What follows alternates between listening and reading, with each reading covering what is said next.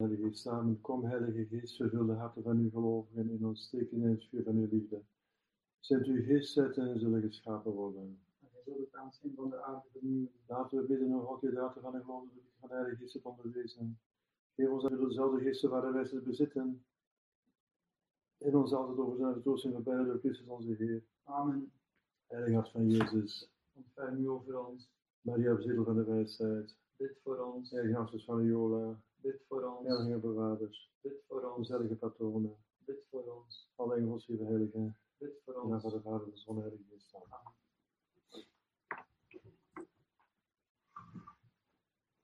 Dus we hadden gezien dat eh, het lijden van Jezus. eh, we kunnen niet alles zien, bijvoorbeeld. eh, maar we gaan eh, toch proberen de meditatie te volgen. Dus het vervolg is eh, nummer in 200, hè, de nummers 200. Die geven aan hoe we het moeten doen. Het gewone voorbereidingsgebed. Dan de inleiding is de geschiedenis. Dan de tweede inleiding is de plaats zien. Dan vragen we, ik verlang, ik verlang is lijden met Jezus. In smarte, gebrokenheid met de gebroken Jezus. Tranen en innerlijke pijn vanwege zoveel pijn die Jezus voor mij leed.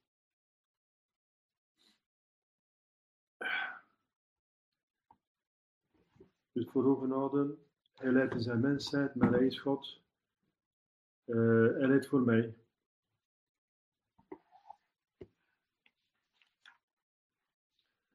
Dus je kunt eh,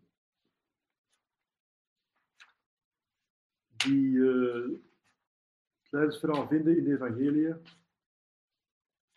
Ik ga u hier naar een tekst verwijzen van Huismans in zijn boek eh,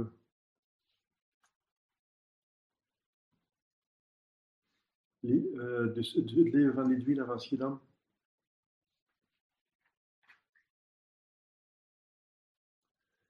Dus hij. ehm,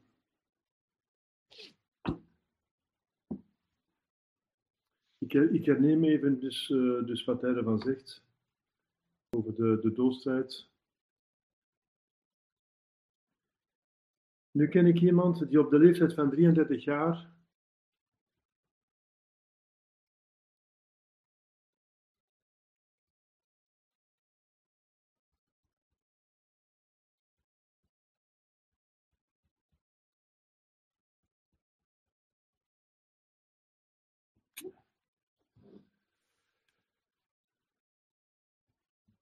Jezus, ondanks zijn klaarblijkelijke onschuld, de dood door beulshand heeft moeten ondergaan, onder uitgezochte pijnigingen, zoals je er nog geen dier gaarne zoudt zien uitstaan. En dat afschuwelijke levenseinde vol martelaarschap en bloed heeft hem levenslang voor de ogen en voor de geest gestaan. Nee, niet pas onder, donk, onder de donkere, vervaarlijke, ruisende olijfbomen van Gethsemane, toen de verrader reeds de wachtende soldaten bijeenriep tot de overval. Niet toen eerst overviel hem dat smartelijk vooruitzicht van de dood. In die 33 jaren was er geen dag, geen uur, geen minuut zelfs, dat hem het kruis waaraan zijn haatdragende vijanden hem bij levende lijven zouden vastnagelen, niet heeft aangeblikt. Als klein tenger kind al, in een leeftijd wanneer andere kinderen nog niets afweten van zichzelf, doorliepen de helderziende ogen van zijn goddelijke natuur de ganse baan van zijn toekomstig leven tot aan de veertien kruiswegstaties die het zouden besluiten.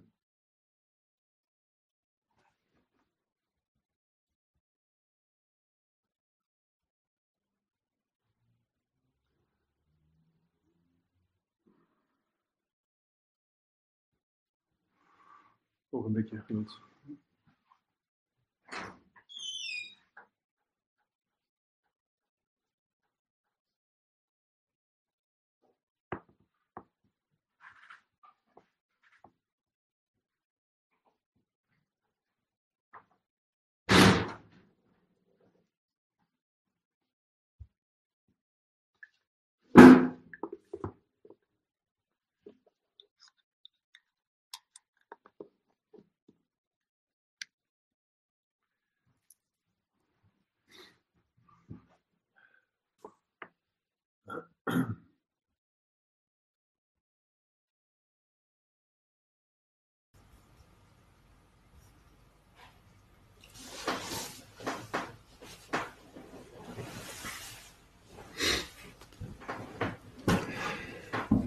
Terwijl hij als man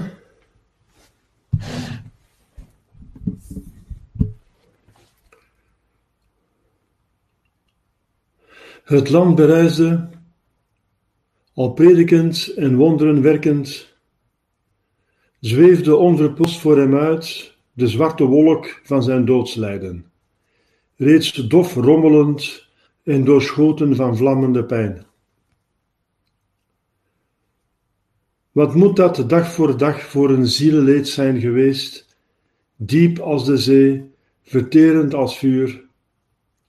Het was een onafgebroken martelaarschap, een sterven van elk uur. En toch, terwijl het wee al dus zonder ophouden zijn ziel doorwoelde, die oneindig tere, fijnvoelende ziel, liet hij niet merken wat hij leed. Niemand in zijn naaste omgeving had er een vermoeden van, van wat er omging in het diepste van zijn hart. Behalve Maria, die moest medelijden. Ze had de profetie gehad: een zwaard zal uw hart doorboren. Maar zijn vertrouwde leerlingen zelfs openbaarde hij zijn geheime folteringen niet. Geen mens, zelfs zijn zoet, zijn. Uh,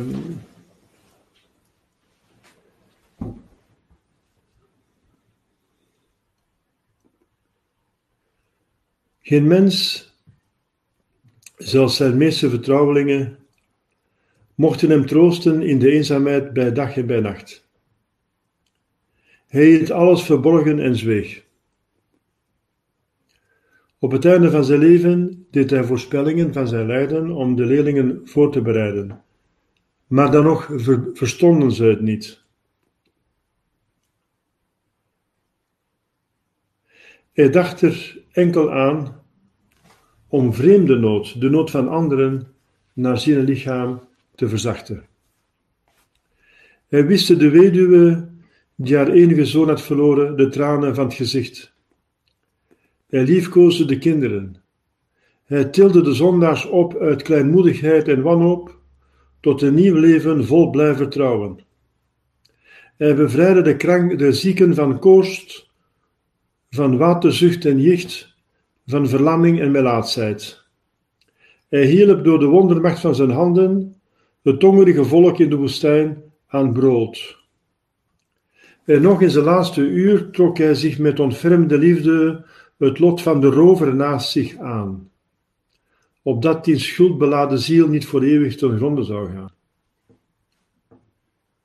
Hij deed zelfs een mirakel van genezing voor de knecht van de hoge priester die hem kwam gevangen nemen.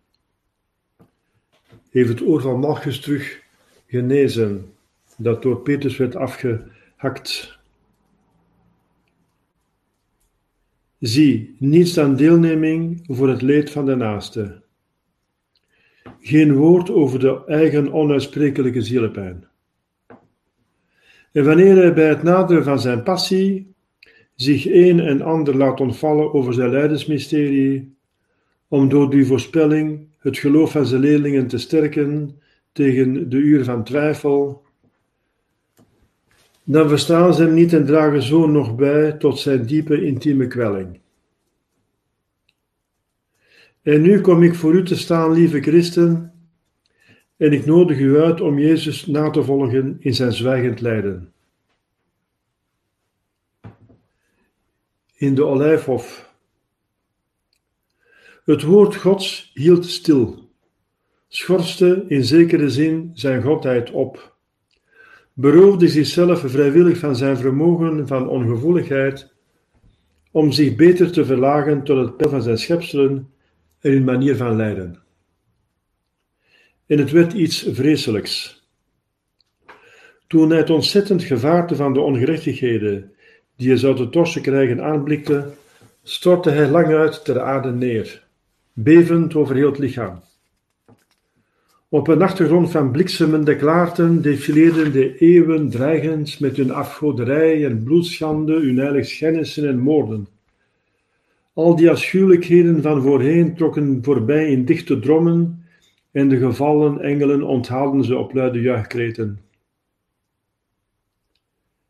Met walg sloeg Jezus de ogen neer. En toen hij tenslotte weer opkeek, waren de schimmende vroegere generaties verzonden, doch de verlopen vrouwen van dat Judea dat hij was komen verkeren, knielden en dansten een heksendans om hem heen. Hij zag die brutale rekels, die hem in het gelaat zouden spuwen en zijn voorhoofd zouden kronen, voorhoofd zouden kronen met bloedige doornen. Het kruis rees schrikwekkend op tegen een einde van woelige onweerswolken.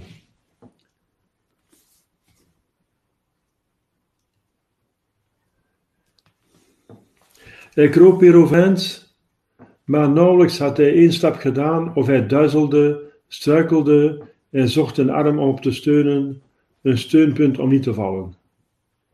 Hij was moederziel alleen. Op handen en voeten sleepte hij zich dan tot bij zijn leerlingen die rustig sliepen en wekte hen. Ze zagen hem verbijsterd aan, vol ontzetting en vrees.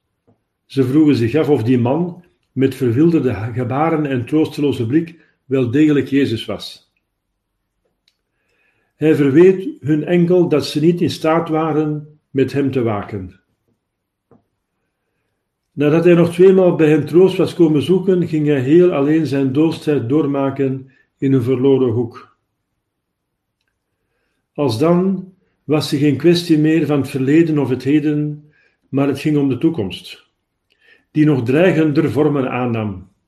De toekomstige eeuwen kwamen aangedromd. De mensen gingen voort met stelen en moorden. Ze lieten niet af hun eiland te kruisigen of hun driften bot te vieren. In de onderscheiden decor der aanstaande tijden bleef onwrikbaar het gouden kalf opgericht en het heerste, het beheerste de wereld. Zwijmelen van smart zweette Jezus bloed en hij kreunt, Vader, Hem bestormden al de gruweldaden van alle tijden met verenigde krachten. De lijken van alle tijden, van verleden, heden en toekomst, versmolten en verteren tot een soort stinkende verrotting, die hem van het hoofd tot de voeten met walgelijkheid bedekte. Het was iets als een bloedbad van mensenharten, een pest der zielen, die over hem kwam. De engelen die de Heer hadden bijgestaan in de hof van de, van de olijfbomen, kwamen niet meer tussen beiden. Ze weenden, ze weenden met ontzetting geslagen bij de aanblik van die gruwelijke doodstijd van hun God.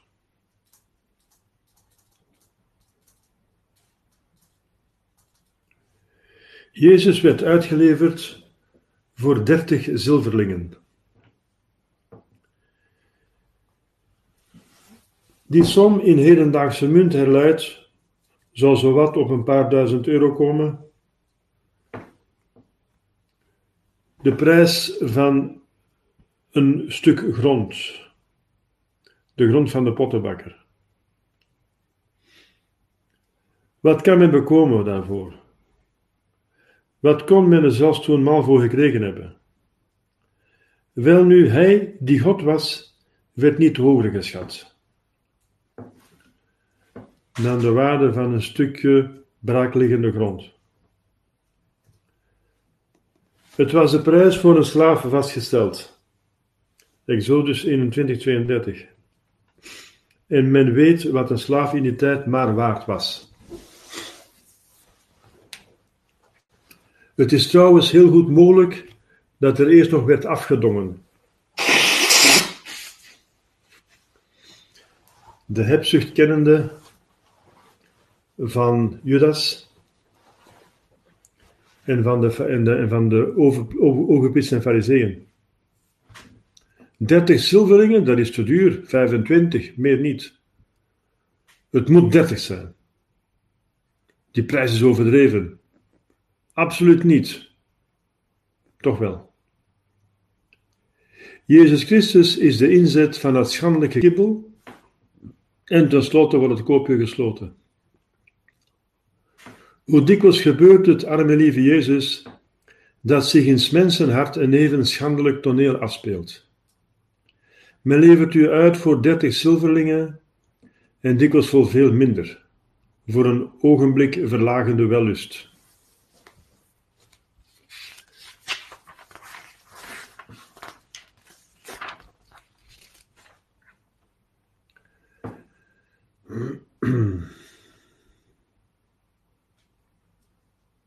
De veroordeling.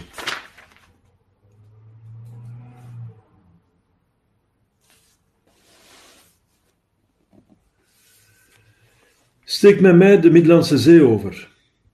Stijg op over de bergen naar de hoofdstad van een oud beroemd land. Treed binnen in de zettingszaal van het hoogste geestelijke rechtshof. Of sla van aan de deur een oogopslag naar binnen, dan kunt gij hem zelf zien. De onschuldige priester die wordt veroordeeld door gezagsdragers. Het verhoor is juist aan de gang. Het gaat er akelig aan toe. Want het is geen klaarlichte dag, maar diepe sombere nacht. Fakkels en lampen branden in gang en zaal, als had er een heimelijke zitting plaats, en de rechters vertonen iets als een felle helse haat in hun blik.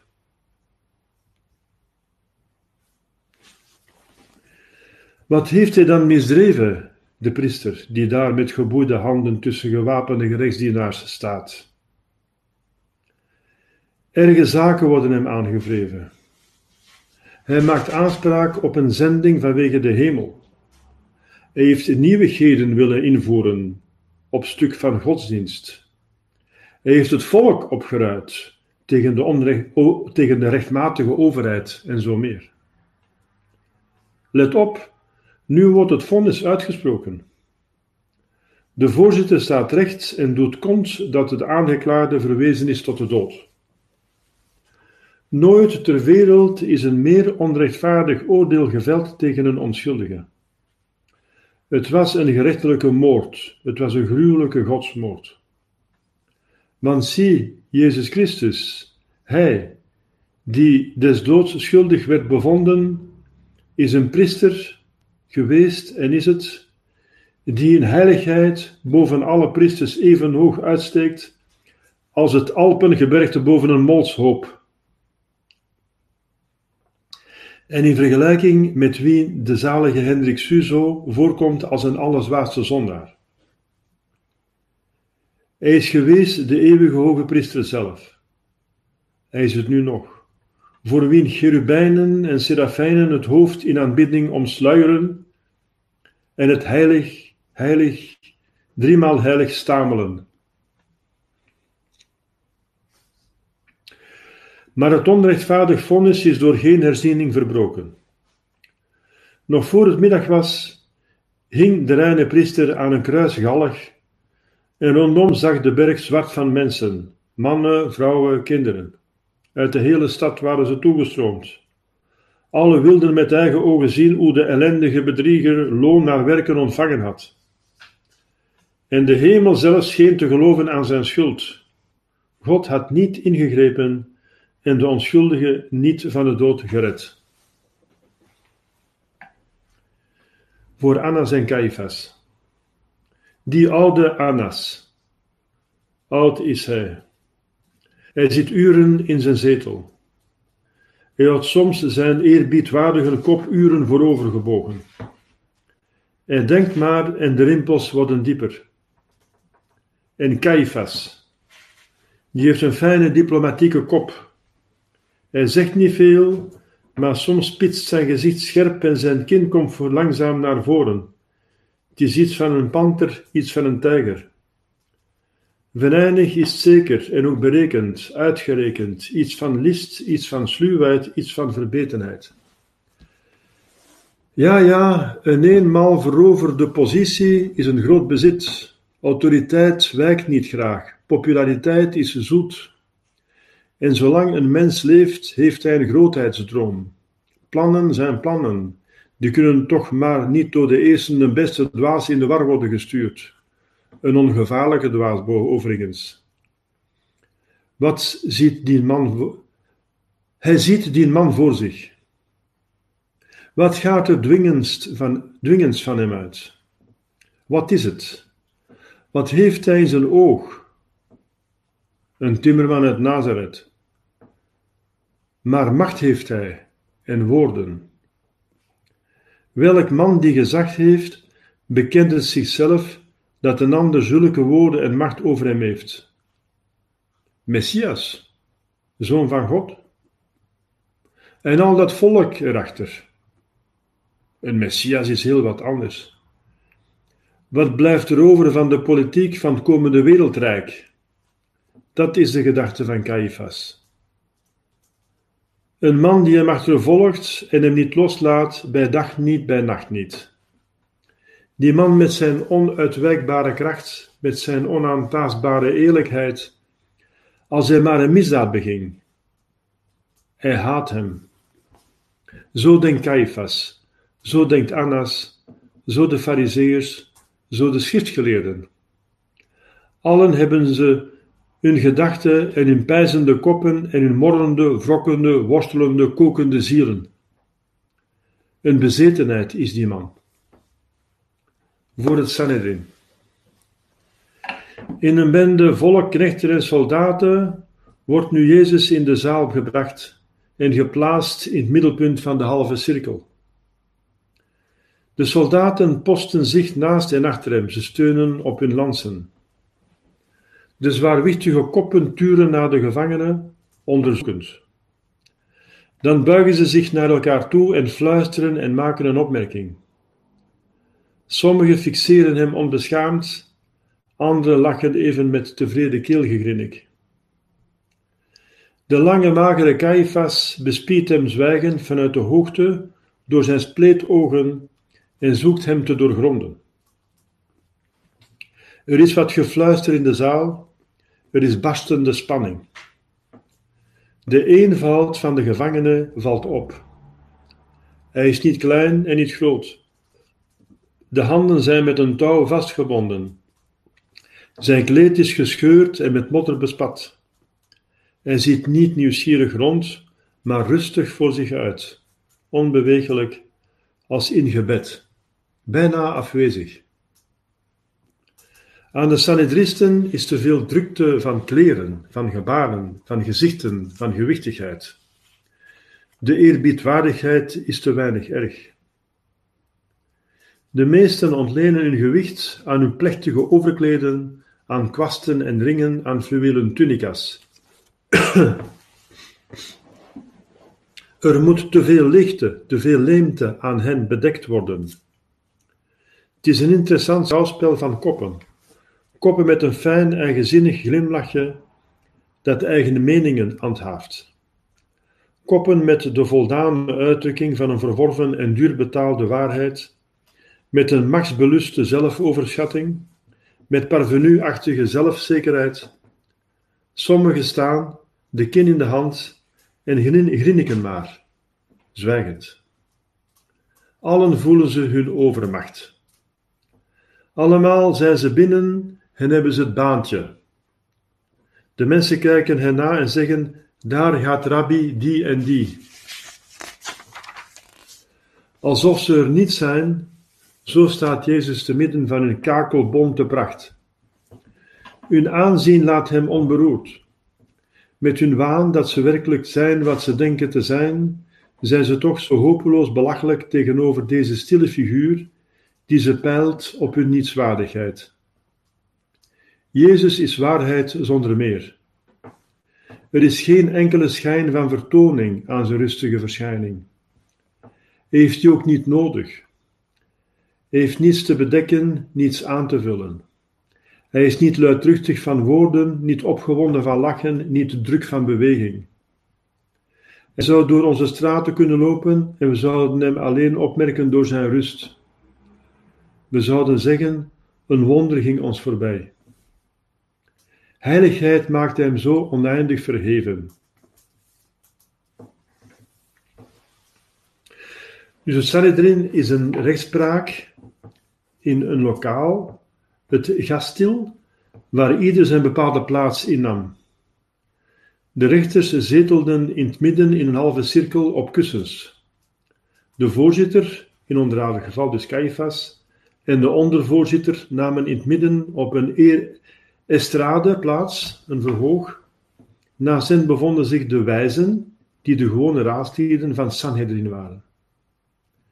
Aan elk uiteinde van die halve cirkel was een geheimschrijver opgesteld, die aan de rechterhand had, die aan de rechterhand zat, had voor taak nota te nemen van alles wat ten gunste van de betichten werd aangebracht.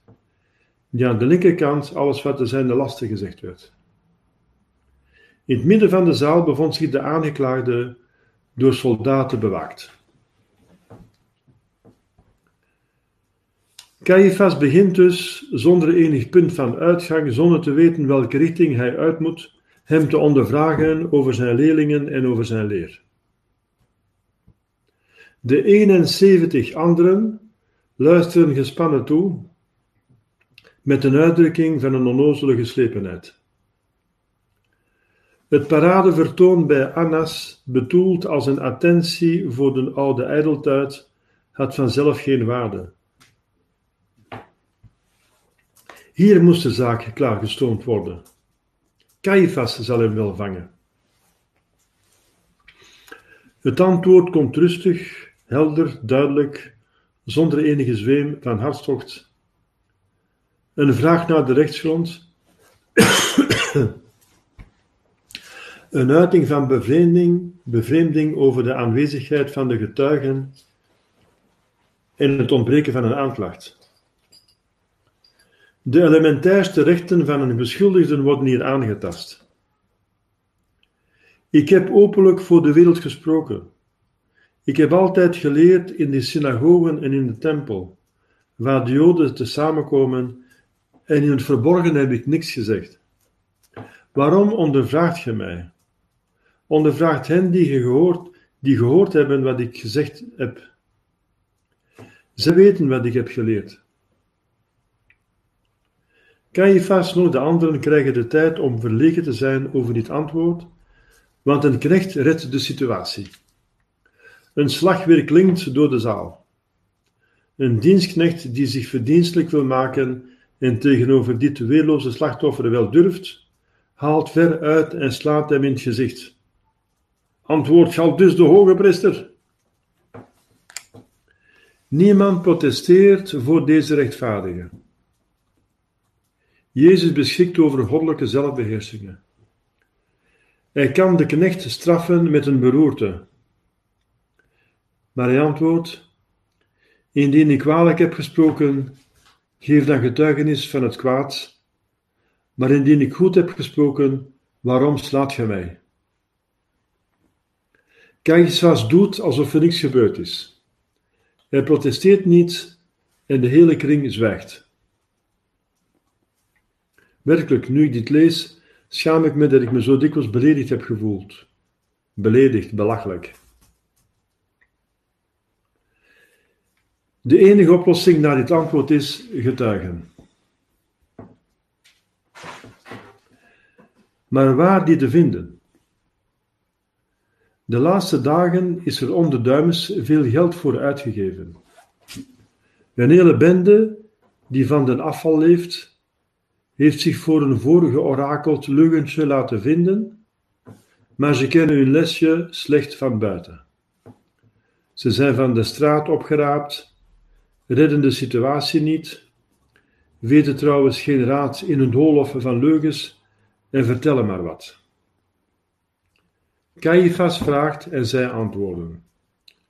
De ene na de andere komt binnen. Valt de andere in de rede, tot op laatste geen sterveling meer weet waarover ze het hebben. De ene heeft dit gezien en dat gehoord, maar klopt weer niet met wat anderen hebben gezien en hebben gehoord. Caiaphas probeert er enige draad in te leggen en de getuigenissen te doen overeenstemmen.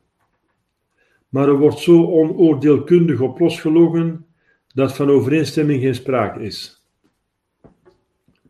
Dan halen ze de schouders op staan verbijsterd te kijken en anderen worden woedend en zeggen dat ze het dan maar duidelijker hadden moeten zeggen. Ze schreeuwen, tieren en razen door elkaar. De situatie wordt pijnlijk. De enige oplossing is de oplossing bij Jezus te zoeken.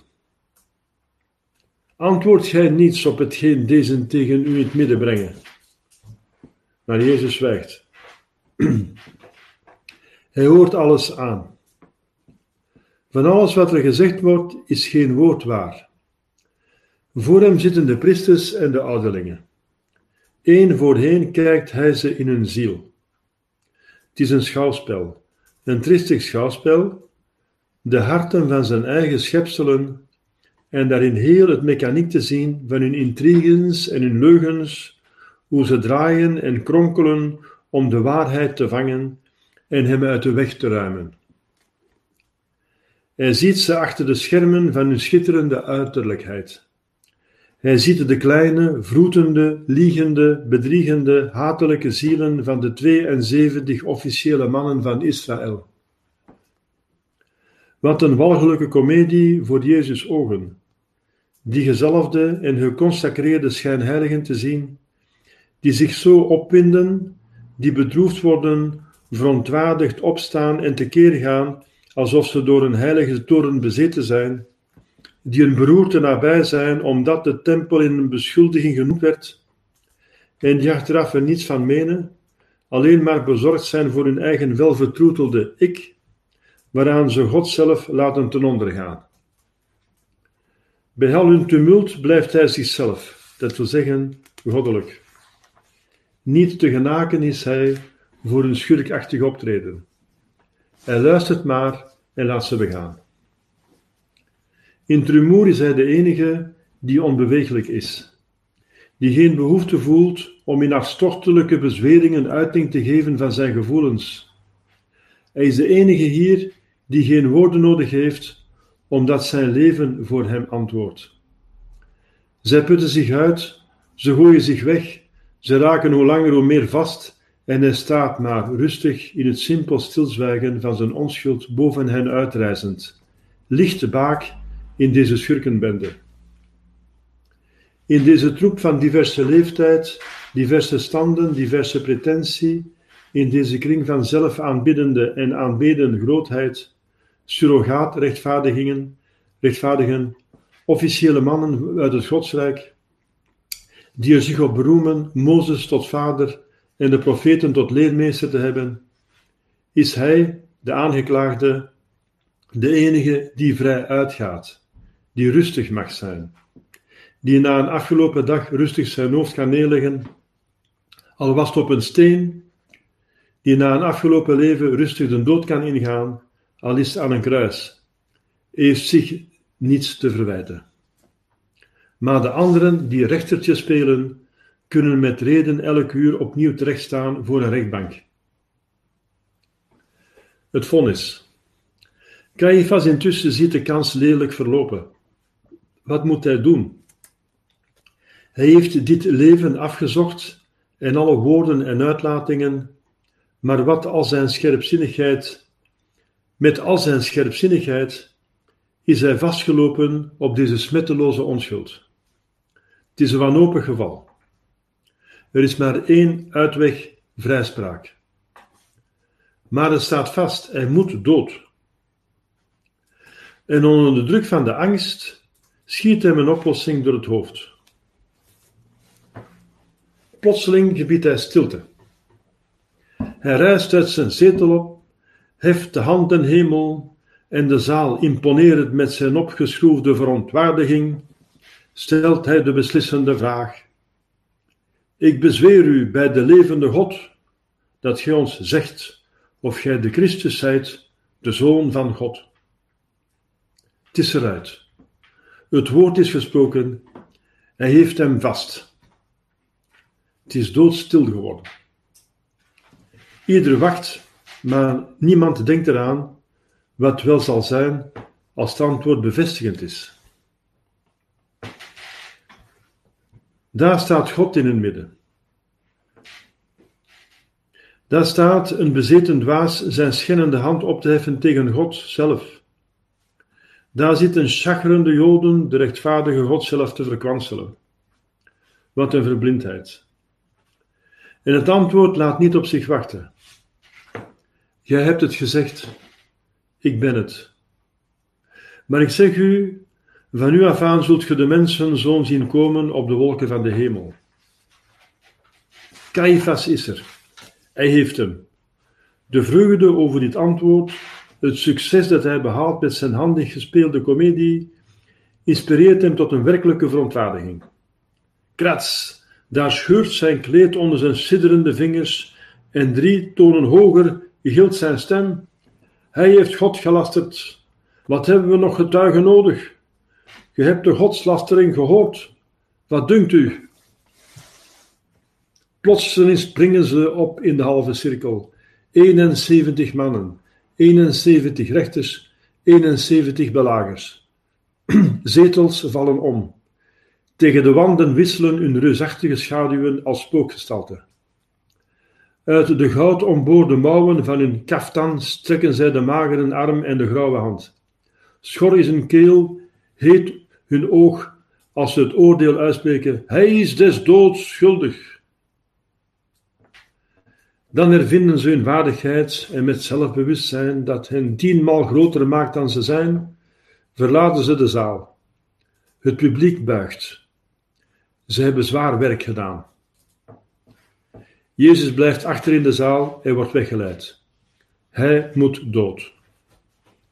Wat een verlaten mens.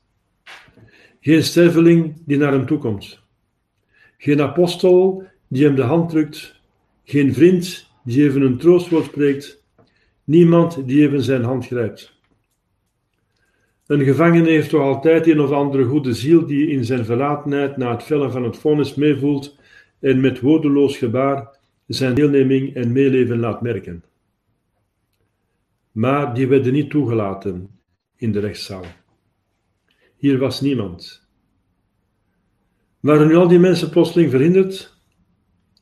Of was nu iedereen bezet en was Johannes niet kunnen komen om aan te dringen? Hij was toch gekend bij de priesters.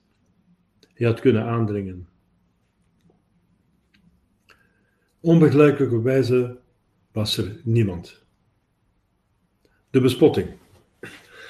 Toen de rechtszitting voorbij was, namen de soldaten Jezus mee naar een hol achter het paleis. Ze lieten drank aanrukken en voor Jezus begon een vreselijke nacht. Kroezen en kannen gingen rond. Jezus werd in een hoek geworpen, overgeleverd aan hun willekeur.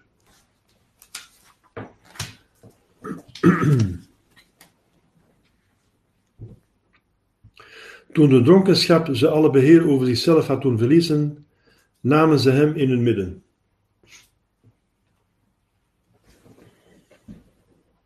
Ze bonden hem een blinddoek voor het gezicht en amuseerden zich met hem kaakslagen te geven en te vragen: Profiteer ons nu, wie, gesla wie geslagen heeft. Zie hem aan, met slagen overdekt, hoor het schaterlachen. Maar hij zwijgt en bidt.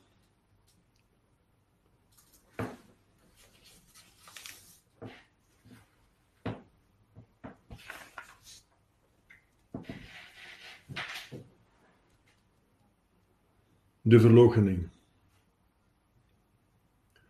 De sterren staan hoog in de lucht. Jeruzalem slaapt, er zijn weinig mensen langs de weg. Een troep soldaten gaat door de straten, haastig rumoerend. De huizen verrijzen één voor één uit het duister en zinken weer terug. Een hoofdman geeft een bevel. Bij een kuil in de weg klinken rauwe vloeken. De mensen ontwaken even uit hun slaap en slapen weer in. Als de troep het Caiaphasplein binnengetrokken is, verschijnt op de hoek van de straat Petrus.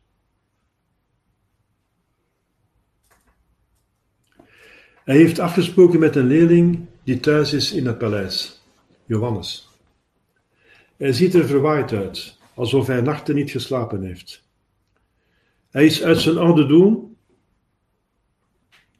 en kan de situatie niet overzien. Ergens in zijn keel kropt een grote brok.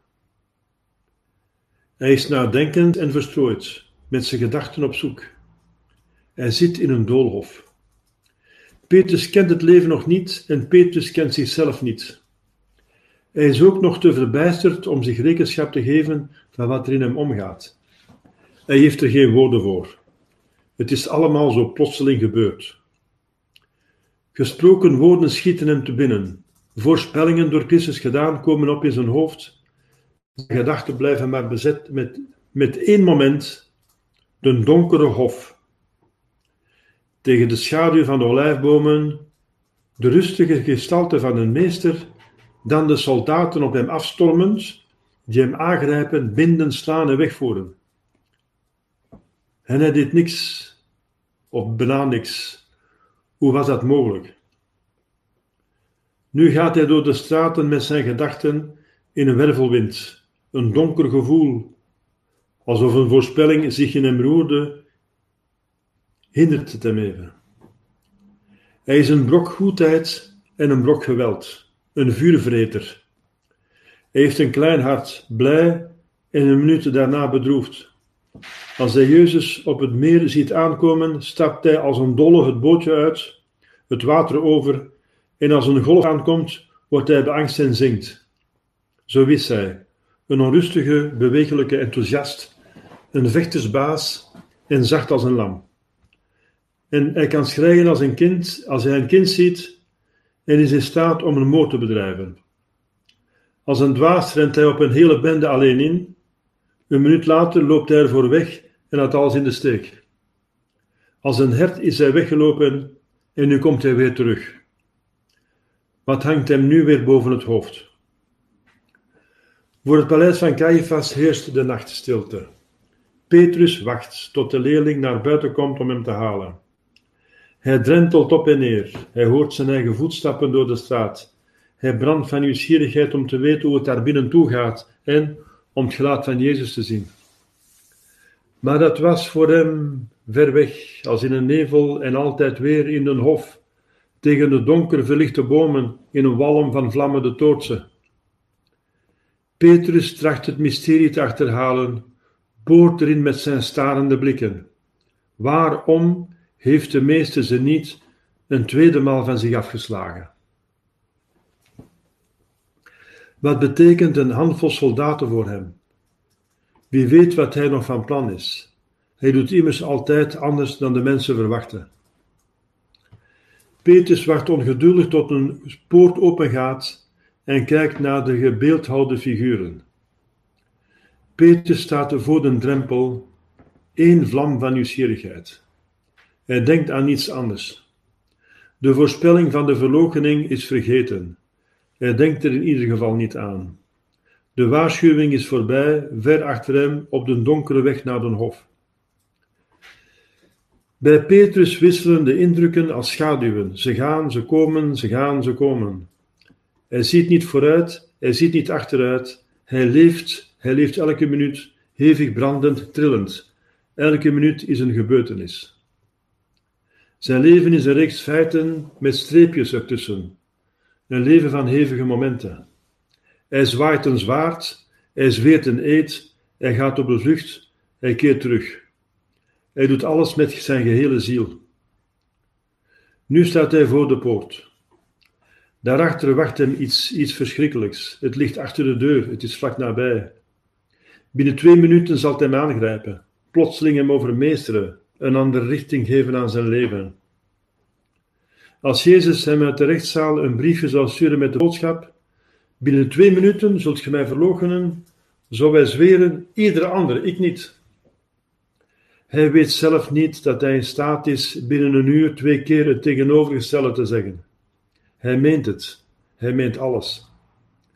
Voor de poort staat Petrus, een onbevangen mens, argeloos, zonder enige kwade bedoeling, met een hart van goud, een graag gezien kameraad, rondborstig, onschuldig als een pasgeboren kindje, met een onverbeterlijke goede trouw, een groot geloof in zijn eigen goede bedoeling, met een hart om de hele wereld goed te doen. Achter de poort ligt zijn ongeluk, op een minuut afstand. Het ligt verborgen in een hoop mensen, in een samenloop van omstandigheden, in een woord, in een toevalligheid. Niemand heeft het er gebracht. Het is er. En het wacht. Op iemand. Als alle mensen voorwaarden in vervulling gaan, zal het losbreken. Anders niet. Als hij de waarschuwing in de wind slaat, zal, er, zal hij er rechtop aflopen. Anders niet. Als hij de drempel overgaat, zal het hem grijpen. Blijft hij voor de drempel, dan niet. Ja, ja, er ligt een deurtje tussen twee werelden. Eén stap is van kind naar man, van bezorgdheid naar ontgoocheling, één stap over de drempel. Als Petrus nadenkt, moet hij weten dat hij in een gezelschap terechtkomt dat hij misschien zal herkennen. Hij was immers die dwaas die erop lossloeg. Maar Petrus denkt niet na. Wind en storm denken niet na. Die eilen vooruit en maken ruïnes. Petrus drentelt voor de poort van het ongeluk. De ijzeren grendel wordt verschoven. Ja, dat is goed, laat hem maar binnenkomen. Petrus neemt zijn mantel samen en stapt over de drempel. De meid fixeert hem een ogenblik. Hé, ben je ook niet een van zijn leerlingen? Even staat zij nat stil als in een kramp. Ik, hoe kom je eraan? Het is een woord, een het antwoord kortaf. Hij schudt kort en kordaat het hoofd en gaat voort. Een leugentje om best veel, denkt Petrus. Wat heeft die meid ermee te maken? Het zijn haar zaken niet. Peter is over een drempel en achter de poort. Het ongeluk dat loerde en klaar lag vlak achter een drempel als een stille reusachtige spin, beweegt en haakt hem vast, grijpt met zijn monsterachtige vangarmen. Hij stapt de voorhoofd binnen. Het is koud. Door het open dak stort de nacht de kou naar binnen. Bij het kolenvuur gaat het er lustig aan toe. De knechten warmen hun handen en wrijven ze over elkaar. Het vuur gloeit diep in de kolen alsof ze verlicht worden van binnenuit. De andere leerling is Petrus al vooruit gegaan naar de rechtszaal.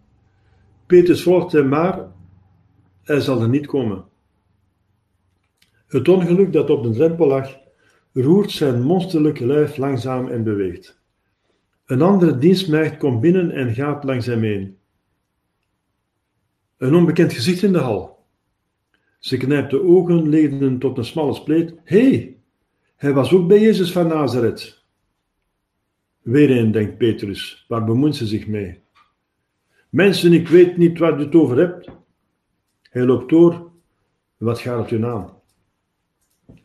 Hij slentert naar het kolenvuur en schuift zich tussen de soldaten en de knechten en spreidt zijn handen uit boven het vuur. Op dat ogenblik rekt tussen de kippen die op de stok ineengedoken slapen met de vliezen over het oog, een haan de strot en kraait. Petrus hoort niks. Hij is er fijn doorheen gekomen. Als iemand hem zou gezegd hebben dat hij hier Jezus toch al min of meer verloochend, zou hij zeker zeggen dat er van verloocheningen geen sprake was.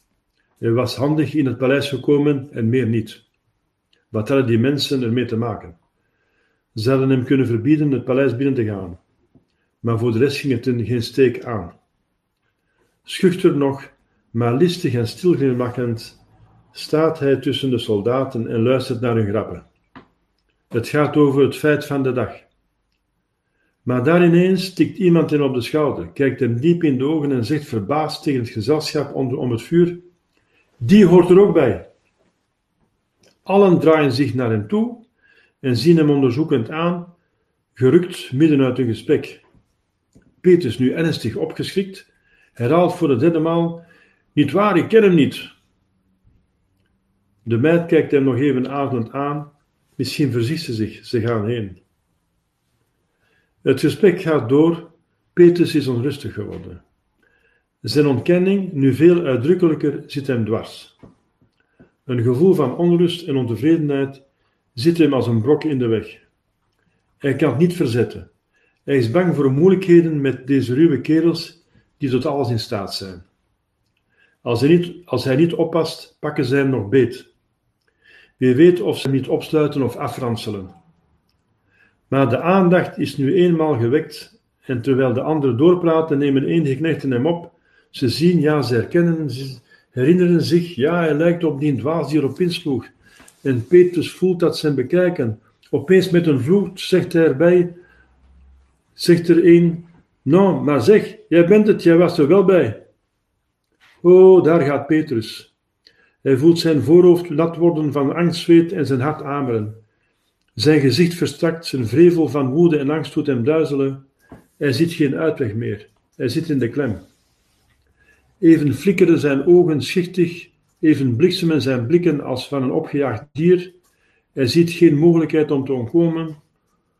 Onder doodse stilte van afwachting strekt hij twee vingers boven zijn hoofd en zweert: Ik ken die mens niet. Op hetzelfde ogenblik hoort hij uit de duisternis een schrille, heerse kreet als een langgerekte galmde i-klank.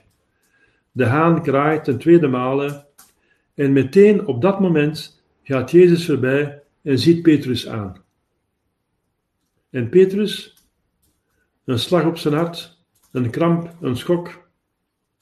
Atrium, soldaten, knechten, alles, alles verdwijnt voor zijn ogen. Onder in de duisternis van zijn bewustzijn roert plotseling iets, maakt zich los, stijgt naar boven met zijn ongemeten snelheid van een bliksemflits. Hij slaat de handen aan het hoofd, staat voor hem. Hij herinnert zich de voorspelling. Voor de haan tweemaal zal gekraaid hebben, heb je me driemaal verloochend. Hij is alleen in de voorhof. De soldaten zijn weggetrokken met de troep. Uit de verte klinkt gedruis. De apostel staat nog op dezelfde plaats, met de hand aan het hoofd voorovergebogen. Minuten gaan voorbij. Langzaam strekt hij de linkerhand uit en knijpt, grijpt de kolom. Staat stil, grijpt de andere en staat wezenloos in het verlaten atrium en gaat verder, voet voor voet, verloren in een tristig diep gezicht. Op de drempel leunt hij tegen de deurpost staat en verdwijnt in de nacht. Het kolenvuur smeult en gloeit, maar niet zo diep als de brandende schaamte op het gezicht van Petrus. Buiten de stad ligt een muur. Er is geen getuige. Als er een zou zijn, zou hij een man zien die de handen voor het gezicht houdt en het schudt langzaam heen en weer. Hij richt zich op. Een grote trouwe kop ziet omhoog en staart naar iets dat niet te zien is, alsof hij het werkelijk ziet. Dan trekt telkens het verdriet de mondhoeken samen. Zijn ogen glinsteren, zijn oogleden knipperen en tranen, grote ronde tranen, rollen langs zijn baard. Het is Petrus. Naar buiten gaande weende hij bitter. Voor Pilatus. Het is vroeg in de morgen. De Antonia-brug ligt verlaten. Een reusachtig, onbewegelijk blok.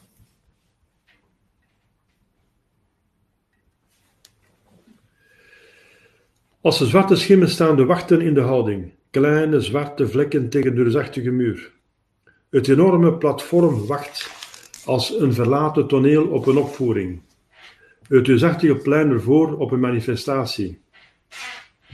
De poort naar het duister binnen doet elk ogenblik een gestalte verwachten in helm en kuras of in statige imperatorsmantel. De waker slaat de kwartieren. Onder de zuilengalerijen ligt de versterkte wacht. Paarden trappelen. Er komt beweging. Een soldaat geeft een signaal. Een bode gaat dwars over het platform. De landvoogd wordt gewaarschuwd. Onder, uit de diepe straat, klimt een stoet naar boven. Mantels wapperen als ze zeilen. De goudgestikte boden schitteren in de morgenzon. Landspitsen blinken. Het gedruis van stemmen klinkt dof en gedempt naar boven, soms overheerst door een schelle stem, een nijdig woord, een barse vloek. Ze eilen meer dan ze lopen. De wacht kijkt nieuwsgierig toe. Het zijn bekende gezichten, scherp gesneden Joodse tippen. Ze steken het plein over, druk van beweging, vol gebaar. Hoge priesters hebben de leiding. Ze praten, ze geven bevelen en overleggen. Daar is Caiaphas. Daar zijn de soldaten van het hof. Daar is Malchus, aan wie een wonder is geschied, zonder dat hij het beseft. Daar is de man die de kaakslag gaf. Daar is Jezus. Hij is niet om aan te zien. Als een misdadiger, als een op heterdaad betrafte dief, houden twee soldaten hem vast met hun harde. Een touw is om zijn polsen gebonden. Erger kan het niet.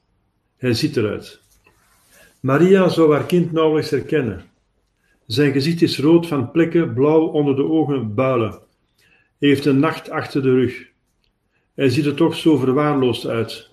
Met zijn kleed vol vlekken en vuil en stof, waarin hij een hele nacht bespot en geplaagd werd.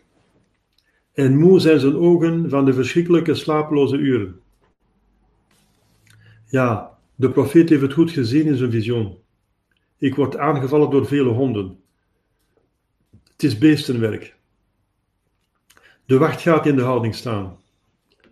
De landvoogd verschijnt vooraan op het litostotos, boven aan de treden. Hij is groot, Norse vreemdeling in dit woelig land. Hij houdt de kaken op elkaar met een ontevreden gezicht. Wat nu weer? Jezus wordt naar voren geduwd. Pilatus bekijkt even de hele stoet. Hij haat dit volk. Hij begint zonder inleiding. Welke beschuldigingen brengt Gin tegen deze man? Beschuldigingen. Ze zijn al woedend aangetast in hun nationale grootheid dat ze aan zo'n vreemde tiran tekst en uitleg moeten geven. Als deze geen boosdoener was, zouden wij hem niet aan u hebben overgeleverd. Dat is geen antwoord op zijn vraag. Pilatus legt het naast zich neer. Neemt hem dan zelf en oordeelt hem volgens uw wet. Die is raak. Ja, Pilatus weet de zwakke plekken en de koude, onverschillige toon waarmee hij dit sarcasme debiteert, maakt ze razend. Wij mogen niemand ter dood veroordelen. Ze koken van binnen. In vlam geschoten roepen ze wat ze voor de mond krijgen. Hij ruidt het volk op. Ze wijzen verontwaardigd naar Jezus. Ze praten zich warm, schreven zich rond, rood. Hij verbiedt belastingen te betalen aan de keizer. Nog meer beschuldigingen bij de vleet. Hij maakt zich koning. Pilatus kent die opgewonden komedie. Hij geeft een teken aan de wacht. Zelf gaat hij naar binnen. Jezus wordt de trappen opgeduwd en voorgeleid in de gerechtszaal. Eenzaam steekt hij het litostotov over. Beneden aan de trappen raast en vloekt de schijnheilige troep. Jezus gaat naar binnen, naar de rechtbank. Pilatus zit in zijn zetel. Jezus staat voor hem. Pilatus beziet hem even. Wat moet hij met die man? Hij ziet er helemaal niet uit om ruzie te stoken. Koning, koning, hmm. U weet soms niet wat mensen zich in het hoofd zetten en bij de Joden kun je van alles verwachten. Misschien beeldt die man zich iets in en misschien is hij ook wel een verarmd troonopvolger. Hij zal zien. Zijt gij koning? Het klinkt op dit ogenblik belachelijk en het idee zelf dat hier een zo'n gehavende bedelaar gevraagd wordt of hij koning is, is al te dwaas.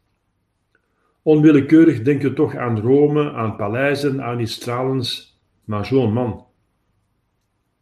Zijt ge koning? In die vraag hoort hij de gemaskerde lach van Pilatus.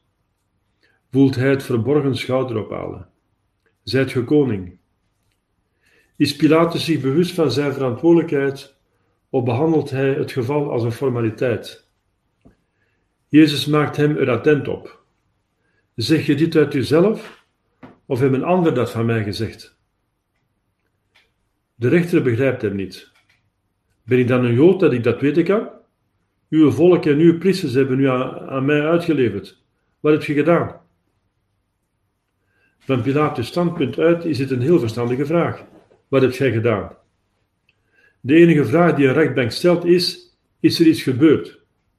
Als er niets gebeurd is, is er geen reden om voor de rechtbank te verschijnen. Dat is nogal duidelijk. Maar Pilatus ziet voorbij aan het feit dat Jezus niet voor de rechtbank is gekomen voor wat hij doet, maar voor wat hij is. Omdat hij de meerdere is, omdat hij beter is, omdat hij groter is. Menselijke waan laat geen superlatieven toe. Jezus is inderdaad het slachtoffer van de meest banale menselijke ondeugd die denkbaar is, van de jaloezie. Jezus antwoordt dus niet op die vraag. Hij reikt eenvoudig zijn geloofsbrieven over. Mijn rijk is niet van deze wereld. Zo mijn rijk van deze wereld was. Pilatus zoekt in deze verheven beschouwing, die hem feitelijk ontgaat, een rijk niet van deze wereld. Wat is dat? Hij zoekt naar een houvast, naar een concreet ding, naar de rechtskwestie voor de burgerlijke wet. Hij vat dus zijn gedachten samen. Gij zijt dus koning. En Jezus antwoordt, gij zegt het, ik ben het, daartoe ben ik in de wereld gekomen, om getuigenis af te leggen van de waarheid. Ieder die uit de waarheid is, hoort mijn stem. Dat gaat aan de landboot voorbij. Wat is de waarheid, zegt hij. De schouders optrekkend, terwijl hij naar buiten gaat en Jezus laat volgen. Ik vind geen schuld in die man, verklaart hij heel beslist en ziet de teleurstelling en de woede op hun gezichten groeien. Het rumoer begint opnieuw. Het regent scheldwoorden. Ze schreeuwen door elkaar de ene leugen over de andere. Pilatus kijkt hem aan. Hebt gij niets te antwoorden? Hoort gij niet wat ze tegen u inbrengen? Maar Jezus zwijgt. Hij beweegt zich niet, hij protesteert niet, niets. Pilatus begrijpt er niets van. Hij is gewend aan hartstochtelijke reacties voor zijn rechterstoel. Zo'n kalmte, zo'n rust heeft hij bij valse beschuldigingen nog nooit meegemaakt. De stemmen worden hartstochtelijker. Hij ruidt het volk op met zijn leer door heel Judea, van Galilea tot hier. Pilatus hoort hem aan. Aan de gevangene kan hij niets ontdekken van een volksmenner.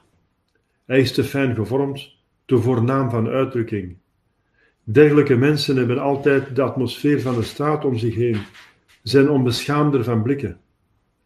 Pilatus weet ook niet wat, wat hij mee moet doen. Het geding afwijzen is het beste. Ik vind geen schuld in hem. Ze hebben zo even geroepen Galilea. Dat is geen kwade oplossing. Laat Herodes het maar uitzoeken. Wie weet waar het goed voor is, en hij is er vanaf. De troep is woedend als ze het antwoord hoort. Ze vloeken de landvoogd en razen en tieren onder elkaar. Elke pas draaien ze zich om om hun verwensingen naar het platform te slingeren. Vooruit. Eerst krijgt een duur, vier vuisten grijpen hem vast, het touw wordt aangetrokken en ze gaan terug dwars door de stad naar Herodes. En Jezus gaat mee, struikelend hier en daar, opgevangen in de knuisten van het volk. Herodes.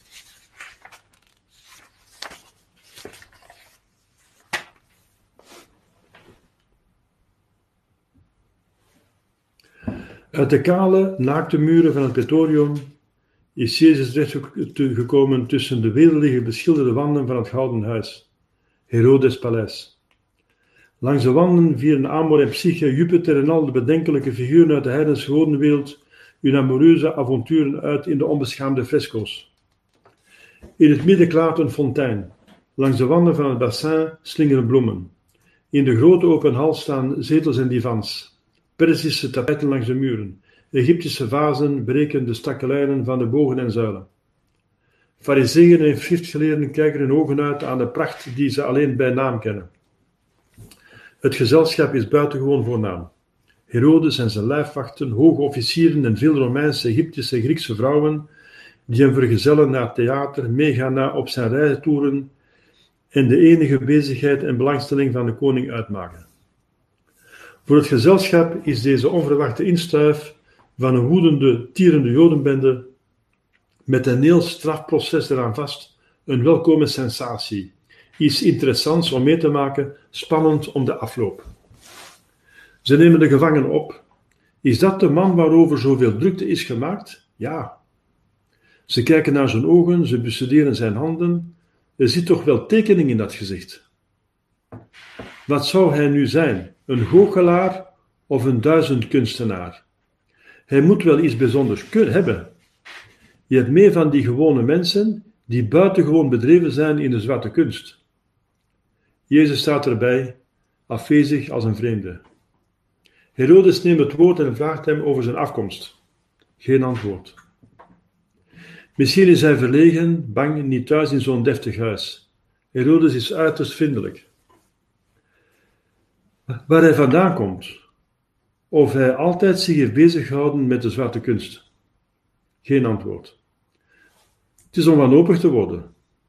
Herodes kan ze anders nogal aan praten krijgen. Het gezelschap haalt de schouders op, anderen lachen uit leedvermaak met de koning. De vrouwen worden verontwaardigd, dat daarboven zo aardig kunnen worden, als zij eens een paar van zijn handigheden had vertoond. Het blijft stil. Of hij misschien niet een wonder wil doen, een staartje van zijn kunst leveren. Jezus staat maar onbeweeglijk en zwijgt. De uitdrukkingen veranderen. Zo absoluut genegeerd alsof hij niet bestaat, dat is Herodes nog nooit overkomen.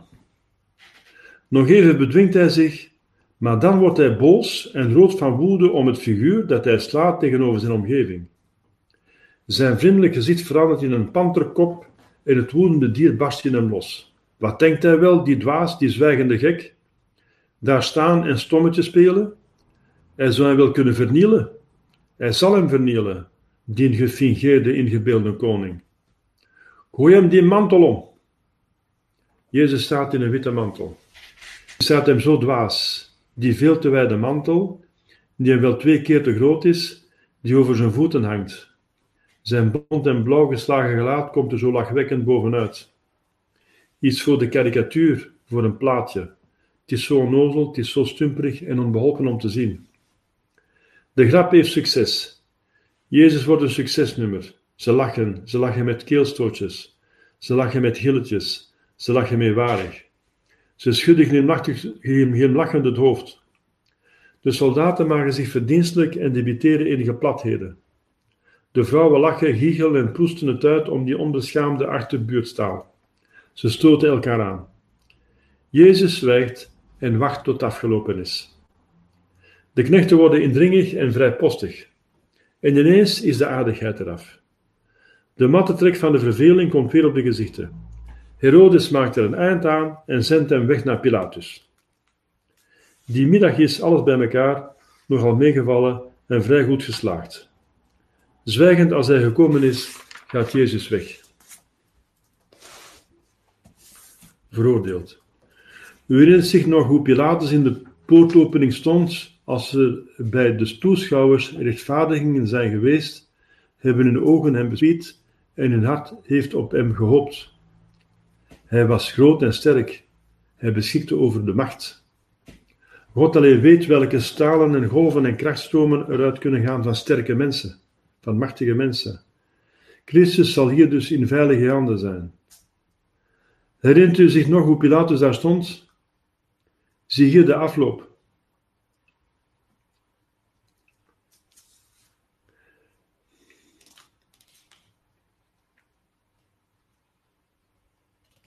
Jezus staat een tweede maal voor Pilatus. Pilatus verheft zich uit zijn zetel en verklaart doodkalm: je hebt deze mens voorgeleid. Ik heb hem ondervraagd. Ik vond geen schuld in hem. Ook Herodes niet. Hij heeft niets gedaan wat des doodschuldig is. Ik zal hem dus laten kastijden en hem dan vrijlaten. Pilatus gaat zitten en er gebeurt niets. Ze lachen wat, anderen schudden met het hoofd. Niemand gooit een protestkreet naar de landvoogd. Ze staan erbij en horen het aan alsof het over een afslag gaat. Iemand werd onschuldig verklaard en moet gekasteerd worden. Hij moet gegeesteld worden. Bij gelegenheid van de paasdagen wordt altijd een gevangene vrijgelaten. Dan stroomt de halve stad leeg om mee te doen aan de keuze. Het volk houdt van zoiets, denkt sensatie. De familie van de verschillende gevangenen begint al maanden tevoren het publiek te bewerken ten gunste van hun zoon of broer of vader. Er wordt geschreeuwd en er wordt gevochten. Pilatus krijgt plotseling een idee. Als hij het rauwe groep van de menigte behoort om de keuze, dat is een prachtige oplossing. Hij bedenkt zich geen ogenblik, gebied stilte. Het gedruis gaat liggen als een storm. Zwaar dreunt de stem van de landvoogd in de vreemde stilte als hij de krankzinnigste vraag stelt die ooit geformuleerd is. Wien wilt ge dat ik vrijlaat? Barabbas of Jezus, die Christus genoemd wordt. Een wonderlijke stilte, bevloerd door een zacht gemurmel van in zichzelf pratende mensen, valt over het plein. Wie? Wat? Barabbas, die dief, de. Ze kijken elkaar verbaasd aan. Barabbas, wat zegt hij? Die? De eerste spontane beweging is de beweging van afkeer. Nee, niet Barabbas, dat is een boef zoals er geen tweede bestaat. Nee, die niet. Op dat ogenblik nadert een bode tot Pilatus met de boodschap van zijn vrouw. Bemoei u niet met deze rechtvaardige, want ik heb deze nacht veel om hem geleden. Van dat ogenblik maken de fariseeën gebruik, want het is een gevaarlijk ogenblik. Alles kan verloren zijn. Nu of nooit. Alles hangt ervan af. Barabbas schreeuwen ze. Kies Barabbas. Weg met Christus, aan het kruis met hem. Ze grauwen, ze snauwen. Het zijn vreemde vogels met snavelbekken. Schor zijn ze. Hun schelle stemmen krijsen in de oren. Geen rust laten ze aan de besluiteloze koppen om te denken, om even te controleren, om even te meten. Jezus en Barabbas even tegen elkaar af te wegen, even naast elkaar te plaatsen, even te vergelijken, gezicht met gezicht, gelaat met gelaat, daad met daad, woord met woord. Als een bezetenheid gilt de scheurende kreet een weg naar hun verwarde hersenen en hun wankelend hart. Kies Barabbas, weg met Christus. Het overrompelt ze plotseling. Uit vier hoeken steken Prissus het plein in lichte laaien en het vuur begint te branden. Onder de ademtocht en de stormvlaag van hun haat. Weg met hem, Barabbas, vrij, vrij. Een beweging gaat door de menigte en langzaam stijgt het gedruis van hun stemmen sterker tot een zacht ongedrukt loeien, zwelt tot een aanhierende storm, de gezichten veranderen, de harten jagen, de vuisten knijpen. Als een hijgende zee deint de zwaar opeengepakte massa. Een vreselijke huivering vaart door de tot een eenheid samengegroeide menigte, en als Pilatus naar voren treedt en de tweede malen vraagt: Wie van deze twee moet ik vrijlaten? barst als een lava-eruptie, uit de diepte een kreet los als een ontploffing. Weg met hem, Barabbas vrij. Pilatus, door deze voltreffer in de borst getroffen, wankelt achteruit. Hij verbleekt. Hij steekt de hand uit om stilte. Wat moet ik dan doen met de koning van de Joden? Het antwoord laat niet op zich wachten. Een donderslag is het. Kruisig hem! Wat kwaad heeft hij dan gedaan? Het tumult woedt voort. Ik vind geen schuld in hem. Ze luisteren niet. Ik zal hem laten geestelen en hem vrijlaten. Maar dat salvo's knetterende kreten, kruisig hem. Onder de druk van het volk springt aan de celdeur van Baramas gevangenis het slot open. Baramas is vrij. Het volk, aangegrepen door een dronken enthousiasme, stroomt naar de gevangenis. Onder daverend gejuich en minutenlang applaus wacht het geschreven tot de poorten opengaan. Een woeste, opgierende ovatie wordt gebracht aan de ongeschoren straatschender en op de schouders van een duizend, tienduizendkoppige menigte wordt hij in een delirium van dronken enthousiasme door de straten gedragen. En de arme, eenzame Jezus verdwijnt in de vuisten van enige soldaten en wordt vastgesnoerd aan de geestelkolom. We gaan het uh, hier eventjes uh, ophouden. Je hebt genoeg materie meegekregen om te mediteren. Je kunt de Heilige Schrift raadplegen. Hè. Maar dit is een tamelijk sterk geschreven tekst door Huismans.